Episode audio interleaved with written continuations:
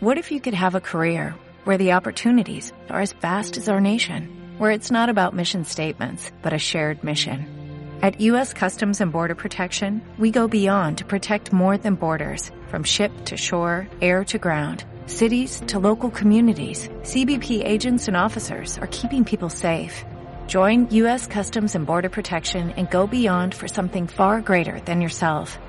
Learn more at cbp.gov/careers.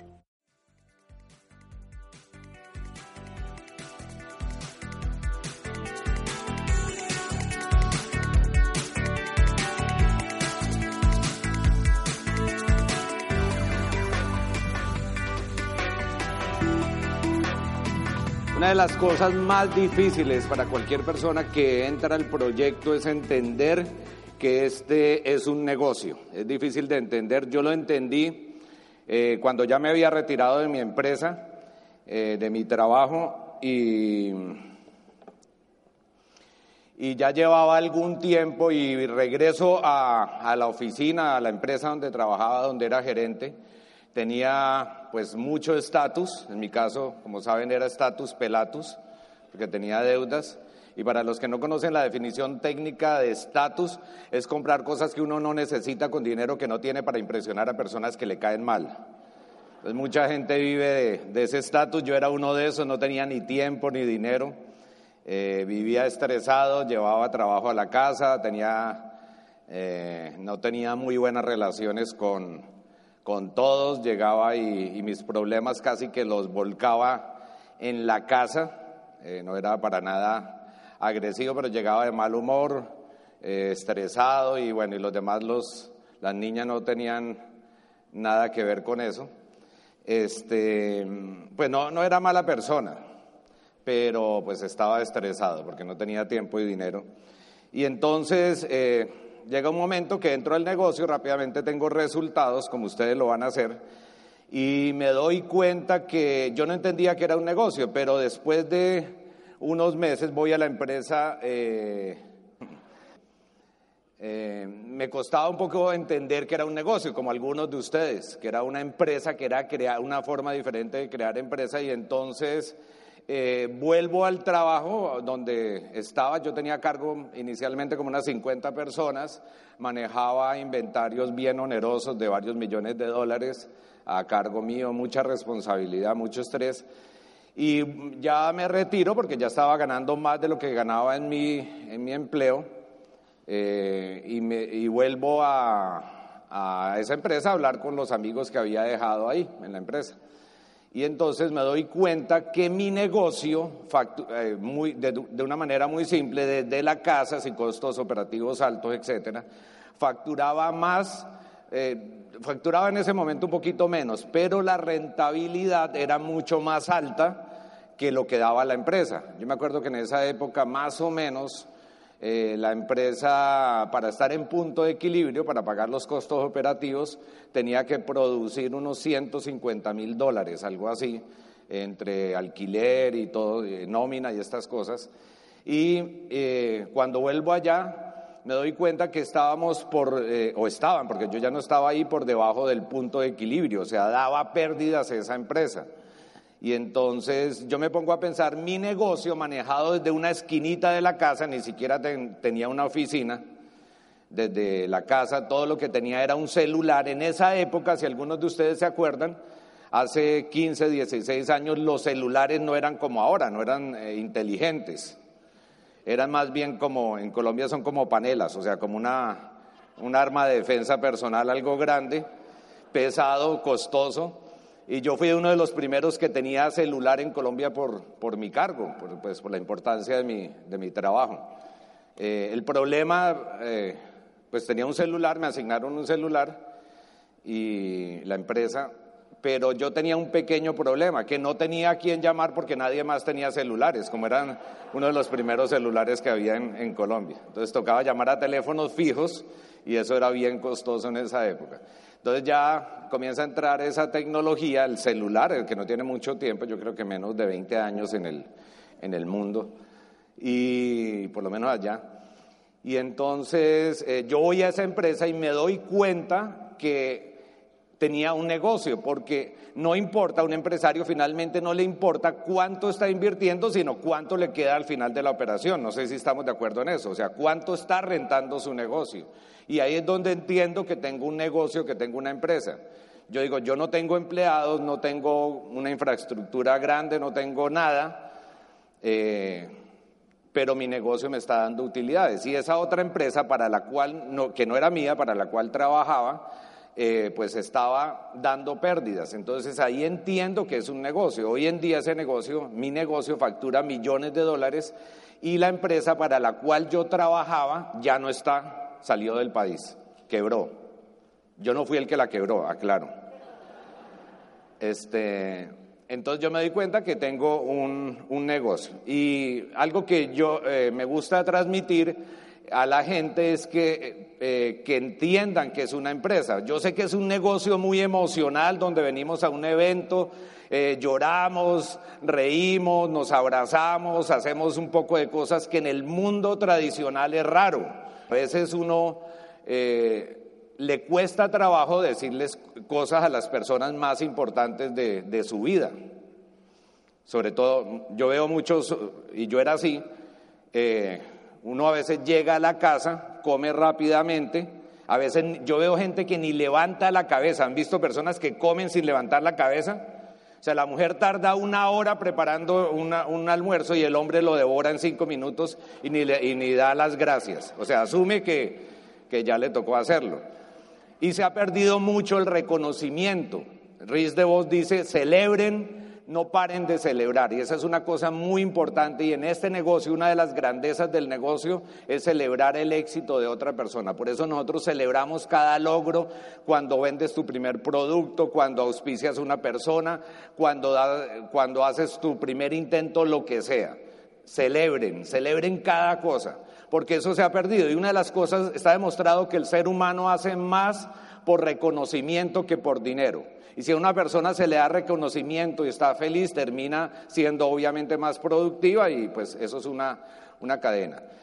Y entonces eh, yo me acuerdo, yo eh, me acuerdo de escenas como esta, pues no en mí, pero, pero he visto personas, bueno, de una u otra manera en mí también, hace mucho tiempo. He visto eh, que a veces no se da reconocimiento de parte y parte en las parejas.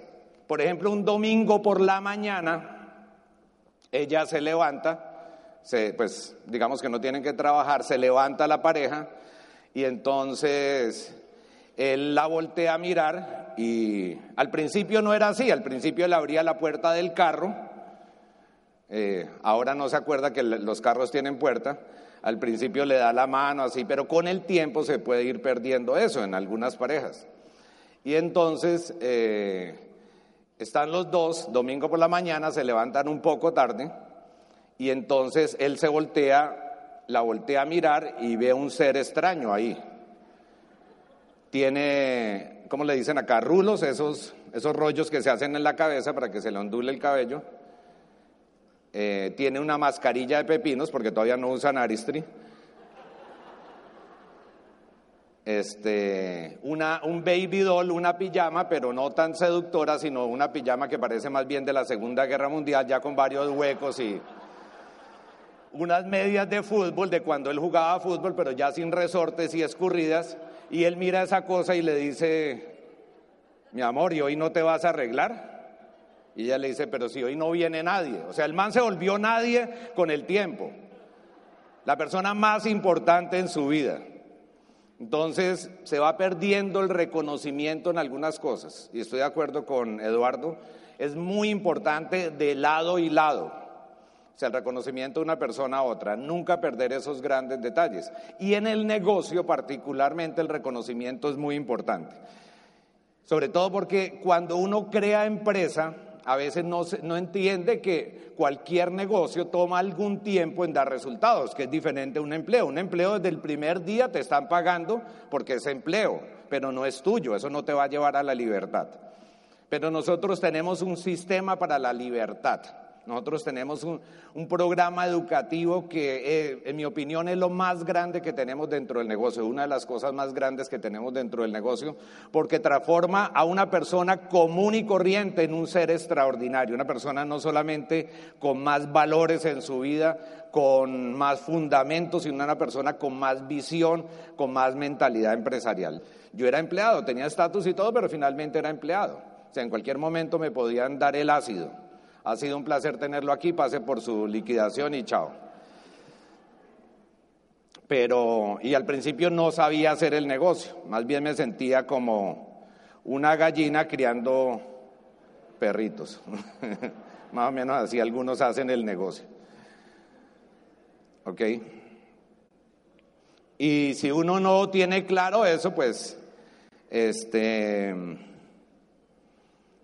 pues va a tener esos resultados. Dice Warren Buffett, dice hay dos clases de personas en la vida, aquellos que no saben nada y aquellos que creen saberlo todo.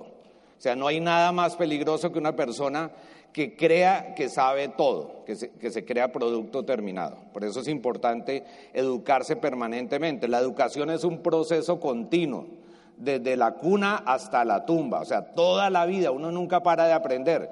Y yo veo personas que dicen, que ya creen que no tienen que aprender porque hicieron un, bachillerato, una, ¿cómo se dice? un high school, porque hicieron una secundaria, primaria, lo que sea, o porque ya han ido a, varios eventos, pero uno nunca para de aprender, no importa el nivel. Es más, a veces uno aprende de personas que tienen menos educación que uno o que tienen menos nivel, inclusive en el negocio que uno.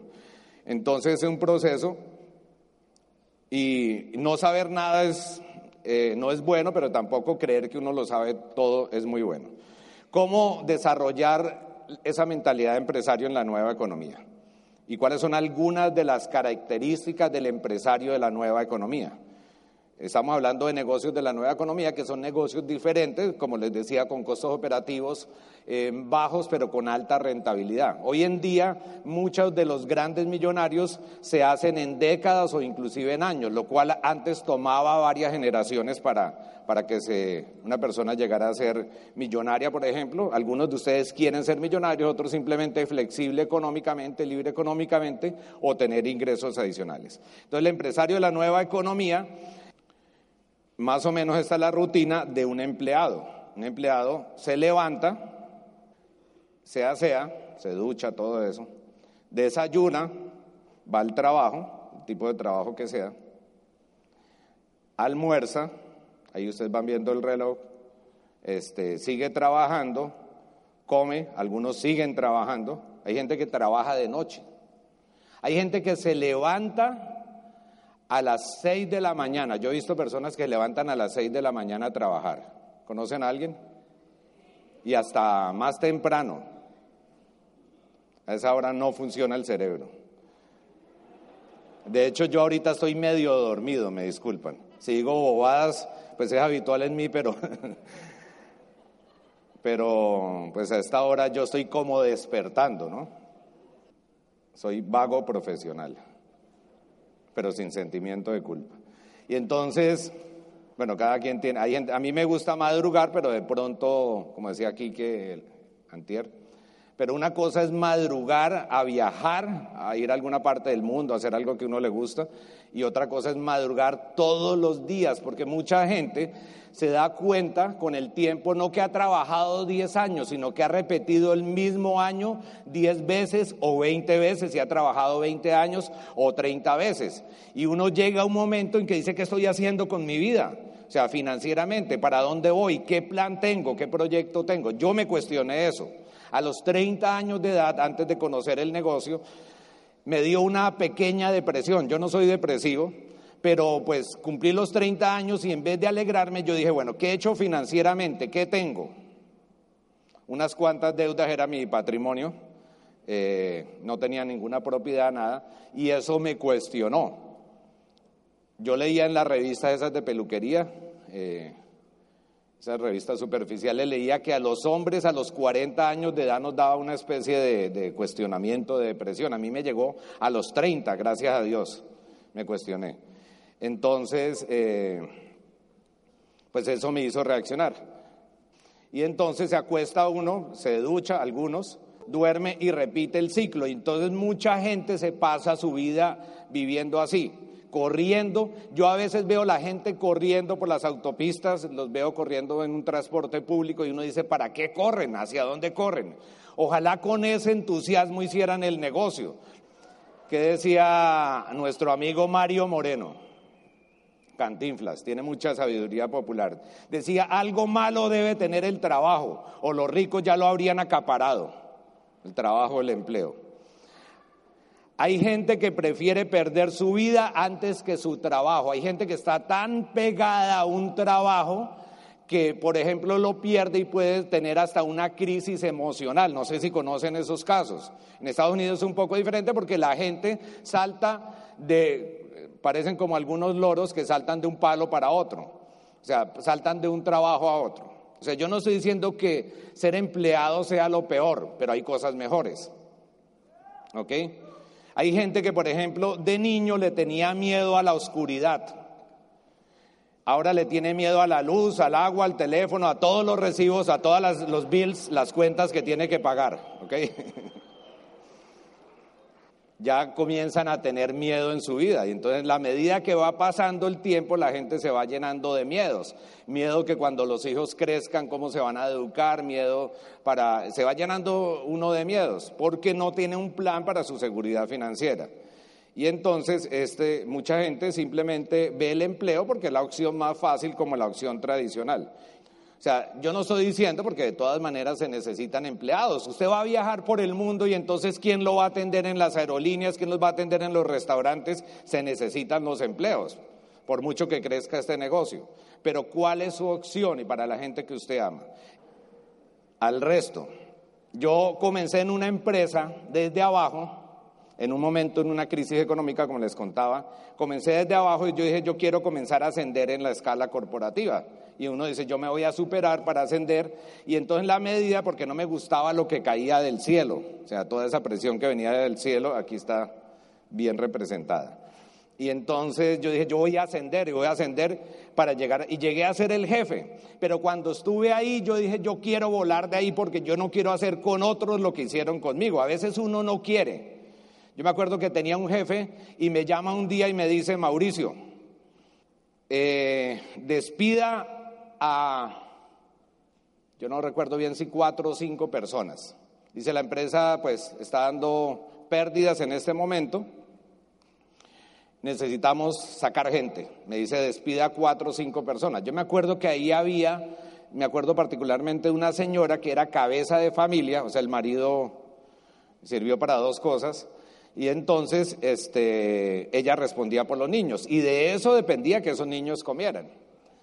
Y entonces me dice, despida cuatro o cinco empleados. Yo le dije, pero doctor tal, o sea, a el que era mi jefe, el presidente de esa compañía, una multinacional.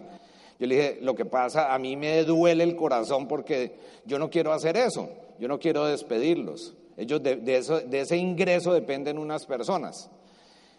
Me dice, ¿cuánto gana usted?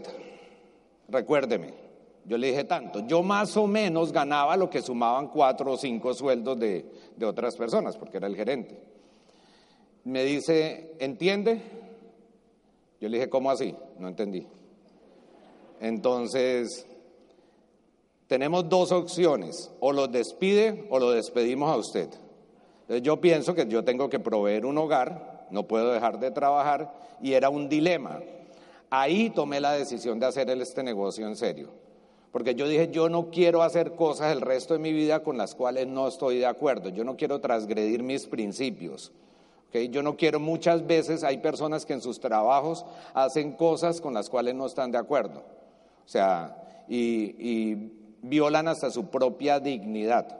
Entonces, eso me hizo, pues, tomar más en serio el negocio. Y salí volando de ahí, porque yo dije, uno nació libre, nació para volar, y ahí tomé la decisión.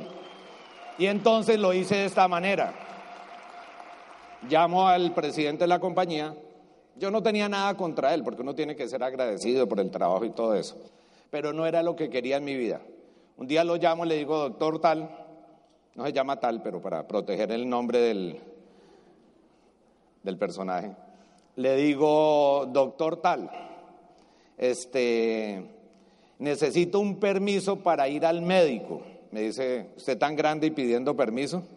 Pues yo le hice también en broma. Eh, me dice, ¿y qué tiene, Mauricio? Yo le digo, necesito ir al oftalmólogo, al oculista, el que ve los ojos. Me dice, ¿es que no está viendo bien? Yo le dije, no, lo que pasa es que ya no me veo en este trabajo. Y le entregué la carta de renuncia. Los pájaros nacidos en jaula creen que volar es una enfermedad. Que mucha gente te va a ver volando y vas a pensar que el que está mal eres tú. Mucha gente va a decir, este está como medio loco. Pero es mejor estar loco con dinero en la cuenta que no cuerdo y pelado, sin dinero en el bolsillo y en las cuentas, ¿ok? Trabajo gano, gasto, trabajo, gano, gasto. La mayoría de la gente se la pasa toda su vida en eso, trabajar, ganar y gastar. La mayoría de las personas eh, pues tienen un ingreso muy, casi que muy plano. Eventualmente consiguen un mejor trabajo, ganan un poco más de dinero. O sea, hago algo y me pagan por ese trabajo. Me pagan 10 dólares la hora, 12 dólares la hora, 8, lo que sea, 20, lo que sea, en todo tipo de trabajos o más. Yo decía, ¿Hasta cuándo voy a dejar de trabajar? Mucha gente se la pasa trabajando y ya cuando consigue algo de, dinero no tiene fuerzas para disfrutarlo. Por ejemplo, ¿a quiénes les gustaría tener un carro deportivo, un carro descapotable deportivo? ¿A quiénes de los que están acá les gustaría? A muchos. Pero qué bueno tenerlo ahora, pronto, hacer rápido este negocio. Porque imagínense que cuando ya lo tenga no tenga fuerzas para manejarlo y que necesite un conductor, algo absurdo como un carro deportivo, y usted ya diciéndole, joven, despacio, porque, porque ya le da peligro, ya todo le hace daño porque y se enferma con todo. Va a las playas del mundo y no se puede broncear porque le hace daño. Ya el bastón se le entierra en la arena, entonces ya eso es, es medio cruel. Mejor hacerlo ahora. Cuando me presentan el negocio, yo al principio creí que lo que iba a hacer es vender productos. Y yo tenía ese estatus tonto, yo decía, yo no me vendo, no me veo vendiendo. Lo único que había vendido alguna vez, pues aparte de lo que les comenté ayer, eh, al principio era un televisor para pagar unas deudas. Se lo había empeñado y finalmente me tocó entregarlo. Pero pues yo no tenía perfil comercial como algunos de ustedes inicialmente, pero entendí que yo le podía recomendar los productos a otras personas. A mí me encantaron. Yo me acuerdo que uno de los primeros productos que yo conocí, uno que se llama pre-wash, se llama prelavado, y yo estaba buscando algo para colocarle a los cuellos de las camisas. A mí me encantó y ese olor como cítrico y ahí dicen que hay que usarlo en un espacio cerrado. A mí me gustó tanto que yo cerraba las puertas, entonces estaba medio, medio trabado ahí dentro, pues yo no hago esas cosas con ese olor, me encantaba y a todo. Yo veía a cualquier persona y le echaba eso. Venga, le echo al, al jean a, las camisas. Me encantó ese producto, me enamoré de los productos. Me enamoré de otro producto, el refrescante bucal. De, a propósito, ¿alguien tiene por ahí alguno? Un, ¿Cómo le dicen acá? Glister. Mi upline me dice, yo le digo, pero es que yo no sé vender, hermano, yo soy gerente de una multinacional, ubícate. Y entonces me dice, no, Mauro, lo que tienes que hacer es usar los productos. Yo no entendía, pero es que yo no me veo vendiendo. No usa los productos. Y entonces, un día estoy en un banco, estoy haciendo una fila en un banco, y entonces hay una señora así, y yo hago. Y la señora voltea a mirar, porque todo el mundo estaba medio en silencio, y me dice, señor, perdón, ¿usted sufre de asma? Yo le dije, no. y me dice, ¿y qué es eso? Yo le dije, un refrescante bucal. ¿Y dónde lo consigo? Yo le dije, pues si quiere le vendo este. Esa fue mi primera venta realmente. Yo no entré a, a, vender productos. Y entonces alguien me dice, más puntos, porque el secreto es hacer puntos, ¿sí o no? Puntos de volumen. El secreto es hacer puntos. Si uno no hace puntos, no hay dinero finalmente el pensamiento exponencial, llega un momento en que mis ingresos son casi que desproporcionados con el trabajo que hago. Entonces, usted le va a suceder eso, que llega un momento en que ya no es cuánto trabaja, sino lo que hizo al principio. Por eso es muy importante en el principio hacer lo que sus líderes le dicen, o sea, dejarse orientar, porque lo dicen para su beneficio. Esa es más o menos una curva del pensamiento, ¿ok? La que ustedes ven ahí en verde, y entonces esa es una curva donde ustedes ven a la izquierda unos números, que esos son los ingresos. Entonces, cero, cero ingresos, 25 puede ser, digamos, 2.500 dólares, 5 son 5 mil dólares, 7 mil 500, 10 mil dólares. Es un ejemplo. Y abajo, para ponerlo bien sencillo, es una coordenada del tiempo. Uno es un periodo de tiempo que puede ser un mes, dos, dos meses, tres meses, etcétera. La curva verde es la curva del empleado. El empleado normalmente comienza en un empleo, estudia. En nuestros países la gente, en mi época, y seguramente en México, en, en Salvador, en de donde sean cada uno de ustedes, Panamá, Guatemala, Ecuador, Perú, de donde sea cada uno de ustedes, este, eh, uno anteriormente hacía algo que se llamaba kinder, el kindergarten, o sea, y de ahí entraba primero de primaria y seguía estudiando. Ahora se inventaron un poco de cosas. En Colombia hay prejardín, antejardín, se inventaron 20 cosas.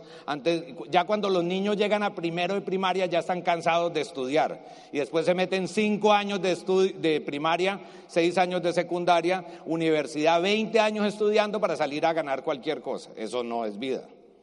Y entonces comienzan ahí y digamos una persona entra y, y busca ganarse cualquier cosa. Voy a poner un ejemplo, no sé cómo es acá, dos mil dólares mensuales.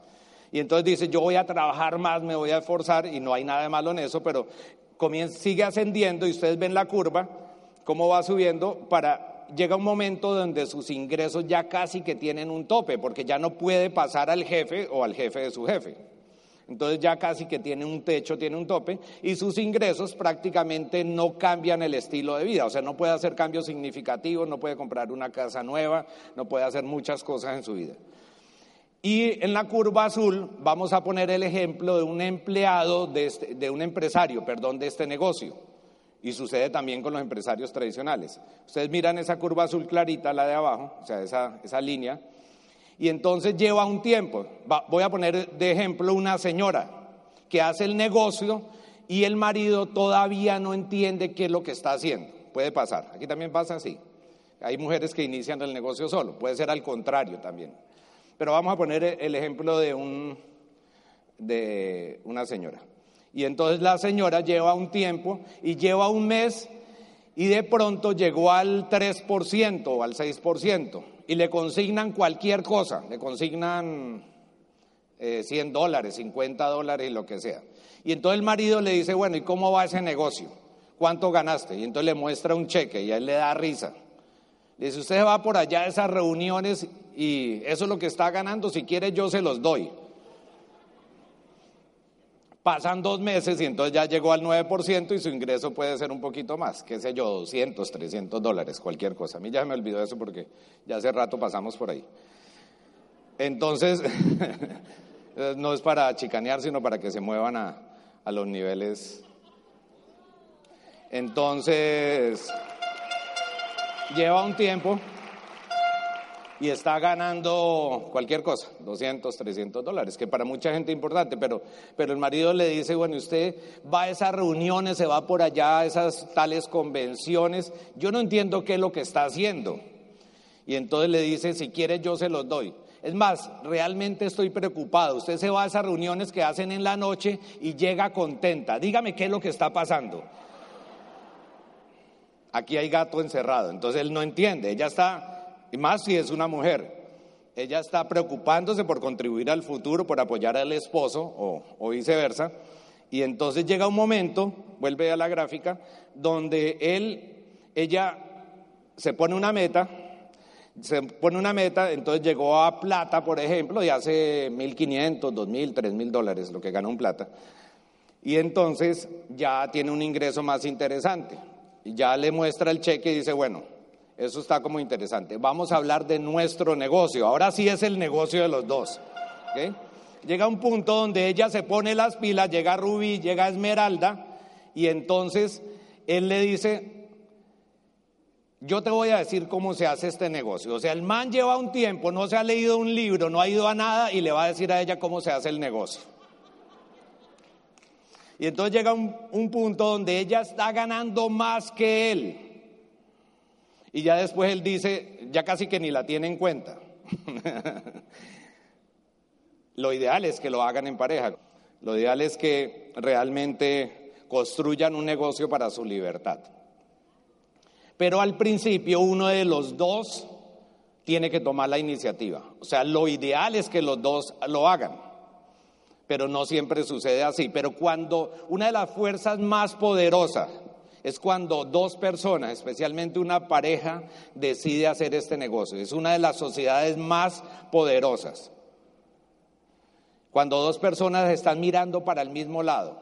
No importa que al principio del negocio duerman los tres, entrepiernados, como se dice acá. Él, ella y las deudas en la mitad, que a veces duermen así, abrazados todos, él, ella y las deudas. no importa. Lo importante es que tengan un proyecto común. Cuando un hombre y una mujer se ponen de acuerdo y trabajan por un sueño real, eso es poderosísimo. Si uno de los dos todavía no entiende, téngale paciencia. Pregúntele cuál es su sueño, qué es lo que lo mueve, qué es realmente lo que quiere en la vida. Pero si el otro es inteligente, lo va a apoyar. Esa es la mentalidad empresaria. El empresario de la nueva economía invierte en sí mismo, tiene mentalidad de inversionista. O sea, lee buenos libros, compra libros, pero no solamente los compra, sino los lee. Escucha audios del negocio, porque puede escuchar otro tipo de audios, pero escucha audios del negocio. Se asocia. Eso es importante. El principio de la asociación. Dime con quién andas y te diré quién eres. Decía Camilo Cruz, uno es el resultado de las 10 personas con las cuales más tiempo pasa. Usted va a ser el resultado de las 10 personas con las cuales se rodea constantemente. O sea, eso es el principio de, asociación. Uno le dice a los muchachos, a los niños, mira, no te metas con ese muchachito porque ese tiene malas mañas, malas costumbres, y es cierto. Pero uno como adulto lo hace a veces uno se asocia con personas que no le aportan a su vida y lo que no te aporta te quita. ¿Okay? Hay gente con la que definitivamente pues tú no debías gastar tu tiempo. Te lo digo así. Y sobre todo si tienes una meta, tú cuida con quién te estás relacionando. ¿Okay? Se asesora, o sea, tiene, está siempre preguntándole a su línea de auspicio puede tener criterio, puede ser independiente, pero, pero si la persona, alguien tiene más experiencia, más conocimiento y es, sabio, pues preguntarle a esa persona. Tiene actitud de estudiante. Dice Paul Freire, la educación no cambia el mundo, cambia las personas que van a cambiar el mundo. O sea, el secreto de este negocio es este programa educativo, los eventos, los seminarios, las convenciones, eh, los Open, eh, todas las reuniones, las asesorías, los libros, los audios. Ese es el gran secreto de este negocio. Es un programa educativo transformador. Dice Alvin Tolfer, dice, los analfabetas del siglo XXI no serán aquellas personas que no sepan leer y escribir, sino aquellos que no puedan aprender, desaprender y reaprender. Esos son los, analfabetas de este siglo, los que no sean capaces de desaprender cosas que no les sirven, de volver a aprender y de volver a aprender. Ese, eso es el verdadero analfabetismo.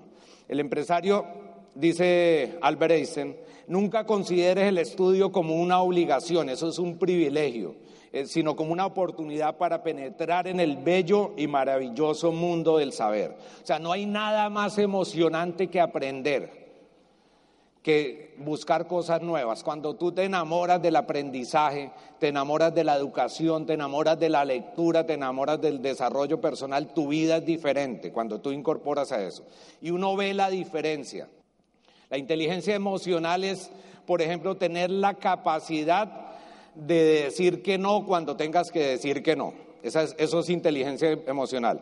Una persona con inteligencia emocional no compra cosas que no necesita, también es un poco inteligencia financiera. Una persona con inteligencia emocional no se afecta más de la cuenta porque otro le diga que no o que sí al negocio. Entiende que es por ley de promedios.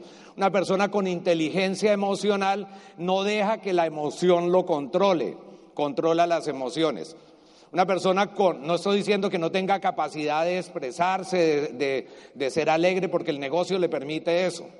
Pero una persona con inteligencia emocional no hace el negocio, o sea, tiene la mentalidad de empresario y no hace el negocio eh, basado en la opinión de los demás.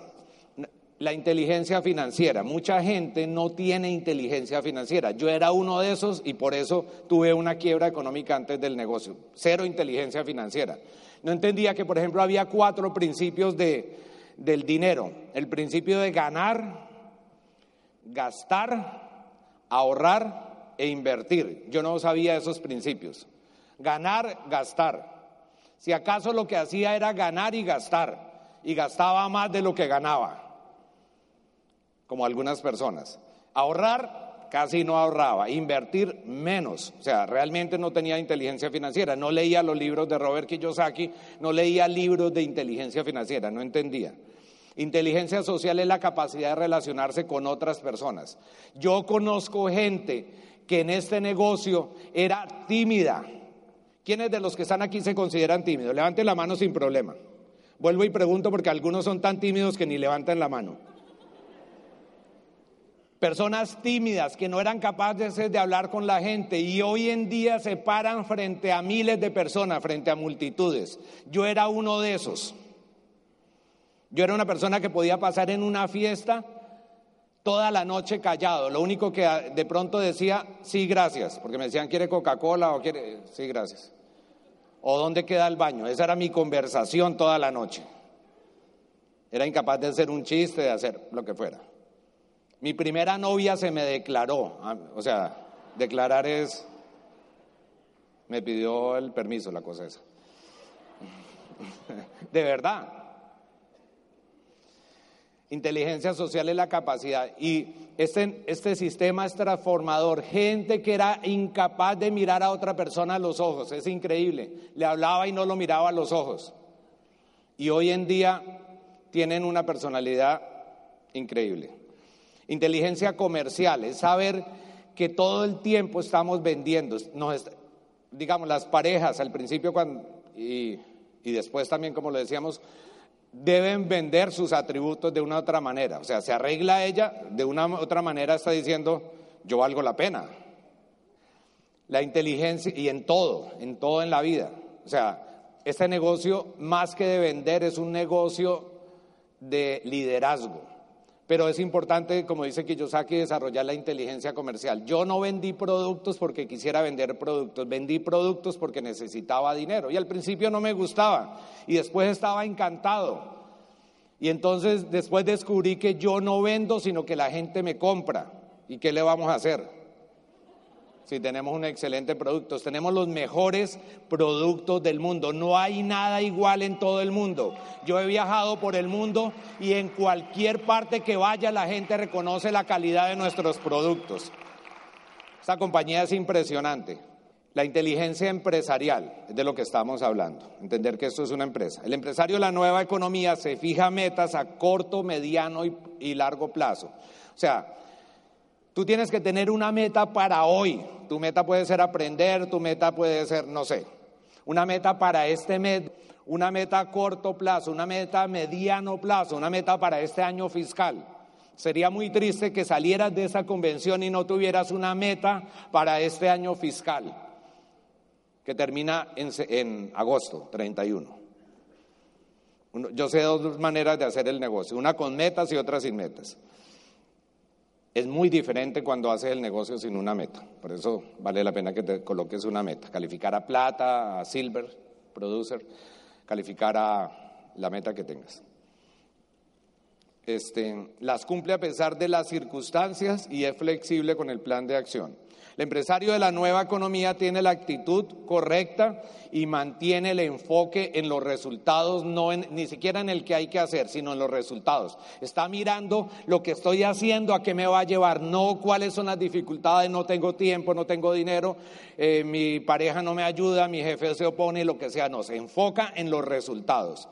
Donald Trump, magnate de, las, de las la propiedad raíz dice, encuentra la pasión en algo que agregue valor a la gente y el dinero te seguirá. Y Robert Kiyosaki dice, no trabajes por dinero, trabaja por una causa y el dinero va a llegar.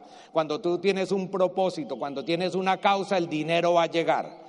No te preocupes, no te afanes, va a llegar. Trabaja por ayudar a la gente, trabaja por servir a la gente, trabaja por algo que te llene tu espíritu y el dinero va a llegar.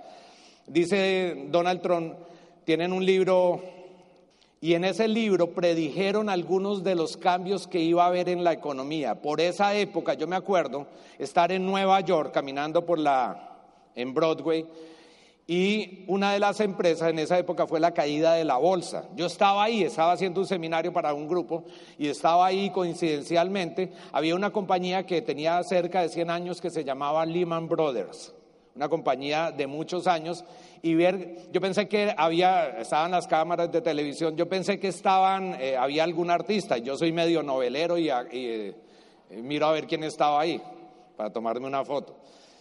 Pero resulta que lo que estaban filmando es que estaban sacando las, las cajas, estaban sacando los expedientes, estaban sacando los archivos, todo de ahí, y había un cambio en la economía. Eso era un simbolismo, pero nadie, en esa época la gente no le apostaba tanto al negocio.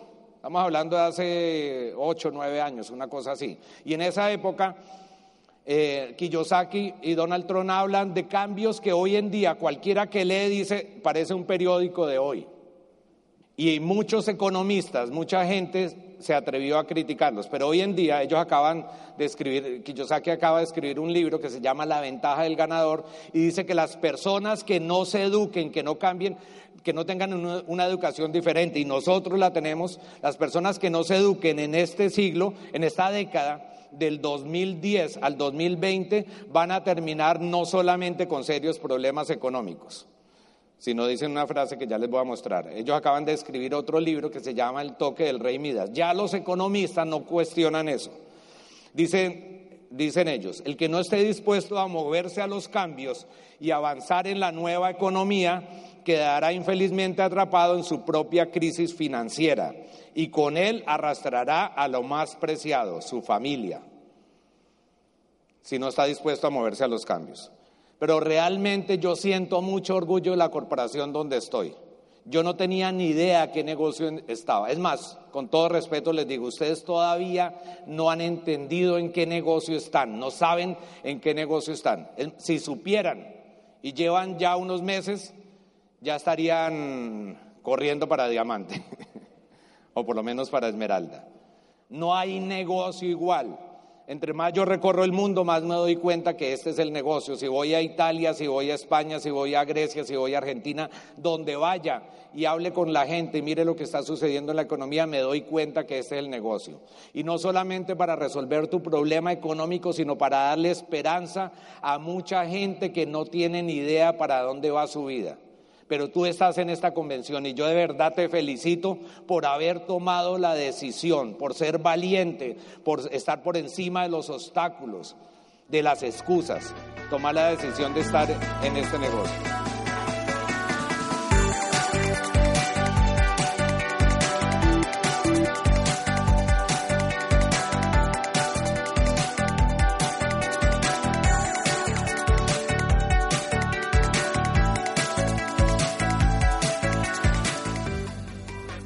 Aunque las técnicas y métodos sugeridos han funcionado para otros, nadie puede garantizar que dichas técnicas y métodos funcionen para ti. Además, queremos enfatizar que el éxito en este negocio no se logra sin un trabajo arduo. El éxito descrito en este perfil puede reflejar ingresos de otras fuentes además de Amway, como las ganancias de la venta de materiales de capacitación, educación o de otros negocios e inversiones. Estos materiales han sido publicados independientemente de la corporación Todos los derechos reservados.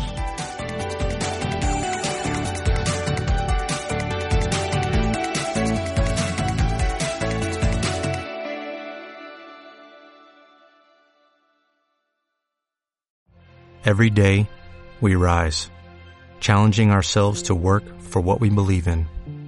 At U.S. Border Patrol, protecting our borders is more than a job, it's a calling. Agents answer the call, working together to keep our country and communities safe. If you are ready for a new mission, join U.S. Border Patrol and go beyond. Learn more at cbp.gov/careers.